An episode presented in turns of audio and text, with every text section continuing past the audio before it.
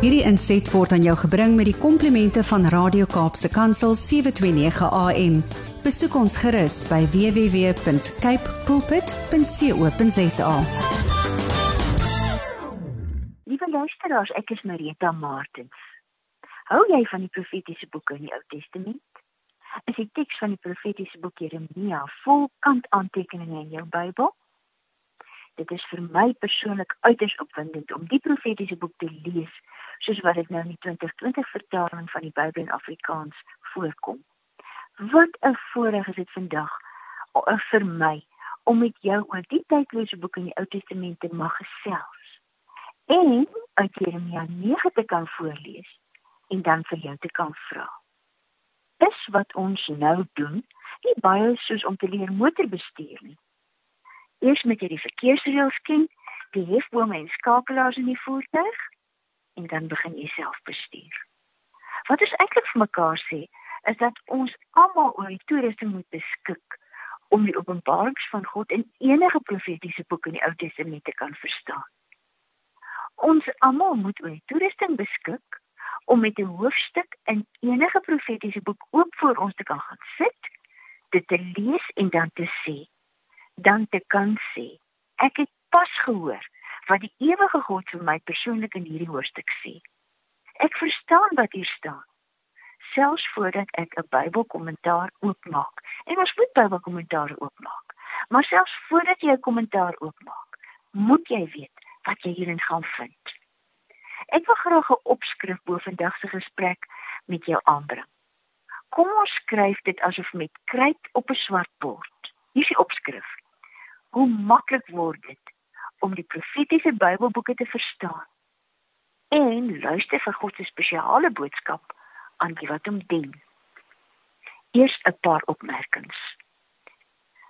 Kom jy ook agter hoeveel makliker ons die Ou Testamentiese boek Jeremia verstaan as 'n mens bepaalde dinge weet? Ja, eers moet ons weet God openbaar homself in elke profetiese en ander Bybelboek. Dis waaroor die Bybel die woord gaan, sodat ons die mense van die aarde ons God kan leer ken, hoe hy is, wie hy is, wat hy doen, wat hy nie doen nie, wat sy eienskappe is, wat hy dink, wat hy beplan, wat hy gedoen het, nou doen en sal doen. Hoe hy in sy verhouding met elke gelowige is, wat hy haat en waarom. In Jeremia 9 byvoorbeeld gaan ons ook hoor wat God verfoei, haat nie net in 'n volk nie, maar ook in vriendskappe en in enige situasie wat hy nie duld nie. En ons gaan in Jeremia 9 hoor wat vir hom vreugde gee. Net om jou voor te berei. In Jeremia 9 wat ons nou beurtelings uit die Afrikaanse Nuwe Vertaling 1983 en die 2020 vertaling gaan lees, gaan ons een van die mees vertroostende uitsprake van alle tye lees dit raak elkeen van ons persoonlik. En juist dit gee vir God vreugde. Tweedens moet ons weet dat ons geskiedenisboeke in die Ou Testament 1 en 2 Samuel en 2 Konings en 1 en 2 Kronieke saam met die profetiese boeke moet oopmaak. Want die profesie vind binne 'n antieke historiese konteks plaas. In die tyd van konings met name soos Agas, Ahab, Hizkia, Jerobeam ensovoorts. Daardie geskiedenis is verby. Maar die gruwels teen God en mens wat in daardie historiese tyd van plaasgevind het, het in die harte van alle mense en alle daaropvolgende generasies in die wêreldgeskiedenis oorleef. Die geskiedenisse van die geskiedenisboeke van die Ou Testament sal so min in ons tyd herhaal word soos Bloedrivier of die Anglo-Boereoorlog. Ons skryf 'n opvolg Ons doen 'n 'n onherhaalbare verdere stuk van die geskiedenis van die land en die mensdom. Derdens moet ons weet ook dat dis die groot trek in die tyd van die Anglo-Boereoorlog in 1964, in 2001, gister en in hierdie uur, vandag en volgende week sal ons of sou ons die boek Jeremia kan of kon oopslaan en die gruwels van ons lewe, ons tyd die gruwels voor 1994 en die gruwels na 1994 in elke enkele profetiese boek erken. Ons sal of sou kon uitroep. Kyk, ons gruwels. Hier is ons sonde neergeskryf. Vierdens moet ons weet en elke enkele generasie moet weet dat ons nie maar sommer net die skouers kan ophaal en dan sommige van die volgende dinge kan kwytraak nie. Life happens. Ons moet seker maar aanvaar dat Suid-Afrika 'n gevaarlike, gewelddadige land is. Ons situasie kan toegeskryf word aan die volgende faktore: dit en dat, die en wie, die noodlot, daardie fout, die regering, daardie regering, die defek, daardie defek. Nee, ons kan nie dit sê nie. God spel die redes vir totale ellende in 'n land uit en dit staan in die Bybel. Ja, dit is nie nou 2600 jaar gelede die tyd van Jeremia nie. Ons regerders het nie name soos Agab, Agas, Jerobeam of wie ook al nie. Daardie mense is weg. Hulle stede bestaan nie meer nie maar die gruwels van 2600 jaar gelede, die afgodsdiens, die verset teen God en sy woord, die volslae toewyding aan diself en die wêreld, die onheiligheid en die tevredenheid met onheiligheid is hier in ons, soos kokkerotte wat alle aanslae oorleef. Ons gaan Jeremia 9 lees en kyk of ons die gruwels kan sien. En waarom ons moet ophou sê dat die lewe gebeur dat die fout by die en die en die lê by almal behalwe die wat van God afvallig is. Want daar lê die gruwels. Vyftens moet ons weet God het altyd die koers na herstel aan hy's genadig hy wil ons uit die nood en ellende bevry hy wil ons liefdevol lig en blydskap maak hierdie gemors is nie sy wil en sy vreugde nie. En dan God het 'n baie spesiale woord aan elkeen wat hom dien. Hy verseker elkeen wat na aan hom leef in Jeremia 9 van die grootste genade wat ons, ons ooit kan indink, sy troue liefde. Luister goed want jy sal dit hoor. Jy sal hoor dat hy dit spesiaal vir jou sê. Kom ons lees dan die grootste gedeelte van Jeremia 9 en die eerste 7 teksverse is uit die 2020 vertaling. Ag, en dis die profeet Jeremia wat praat. Ag, was my hele kop maar water en my oë fontein van trane, sodat ek dag en nag kon huil oor die gesneuwelde gesneuweldes van die dogter van my volk. Ag, was daar nie maar 'n woestyn oor nagplek vir reisigers dan sou ek my volk verlaat en van hulle af weggaan. Want hulle pleeg almal egbreuk. Hulle is 'n bende troueloses. Hy vergelyk die gedrag van Israel in daai tyd met die gedrag van 'n man of 'n vrou wat sy of haar huweliksmaat verkil en verlaat.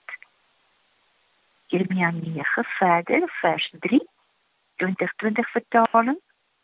Hulle span hulle tong soos 'n boog met leuns en nie betroubaarheid nie. Hulle word helde in die land. Ja, van boosheid na boosheid gaan hulle voort en hulle ken my nie. Is die uitspraak van die Here. Wees op julle hoede elkeen vir sy vriend. Moenie enige broer vertrou nie, want elke broer is 'n bedrieger en elke vriend gaan rond as 'n kwaadstoker. Elkeen verkil sy vriend. Die waarheid praat hulle nie. Hulle rig hulle tonge af om leuns te praat. Hulle dwaal Hulle is nie in staat om terug te keer nie. Verdrukking volg op verdrukking. Bedrog volg op bedrog. Hulle weier om my te erken. Is die uitspraak van die Here. Daarom so sê die Here, heerser oor alle magte. En hierdie is die nuwe vertaling vir wat ons altyd geken het as Here van die leerskare, soos wat dit in die 1983 vertaling staan. Daarom so sê die Here, die heerser oor alle magte, dit is die Here oor die leerskare. Kyk, ek smelt hulle en toets hulle. Wat hoe kan ek anders doen oor die dogter van my volk? Nou lees ons weer 'n stukkie uit die 1983 vertaling verder Jeremia 9 vers 8. Hulle tong is 'n dodelike pyl. Dit lieg en bedrieg. Hulle praat met mekaar asof niks verkeerd is nie. Maar in hulle binneste beplan hulle mekaar se ondergang so ek nie hier oor rekenskap van hulle eis nie sê die Here so ek my nie wreek op so 'n nasie nie ek sal huil en kla oor die berge Ek sal klaaglied sing oor die weivelde in die woestyn. Hulle is verwoes. Niemand kom daarby verby nie. 'n Mens hoor daar geen diere nie. Al die voëls en het pad gegee. Ek sal Jerusalem op klippe maak, 'n woonplek van jakkalse. Ek sal die stede van Juda verlate plekke maak sonder inwoners. Jeremia 9 vers 12 2020 vertaling. Wie is die mens wat wys genoeg is om dit te verstaan? Iemand met wie die mond van die Here gepraat het sodat hy dit kan verduidelik. Waarom het die land te gronde gegaan? Lê dit woes en onbewoon?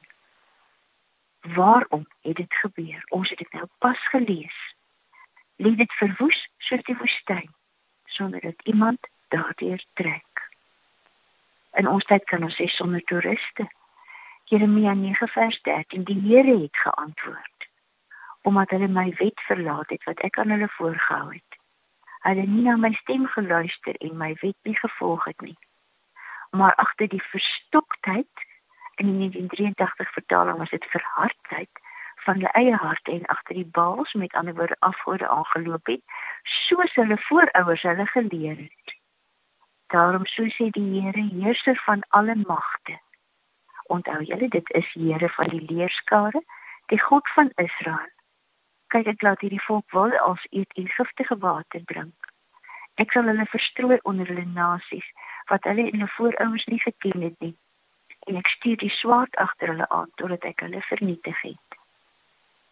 So sê die Here, Heerser van alle magte, dis die Here van die leerskare. Let op en roep die klaagvroue dat hulle kan kom dat hulle 'n weeklaag kan aan weeklag kan aan hê. Jeremia 9 vers 21. In die 2020 vertaling. Ja, die dood het deur ons vensters geklim. Dit het ons vestings binne gedring deur kleuters wat in die strate en jong manne wat op die dorpspleine was uit te roei. Jeremia 9 vers 22. In die 83 vertaling.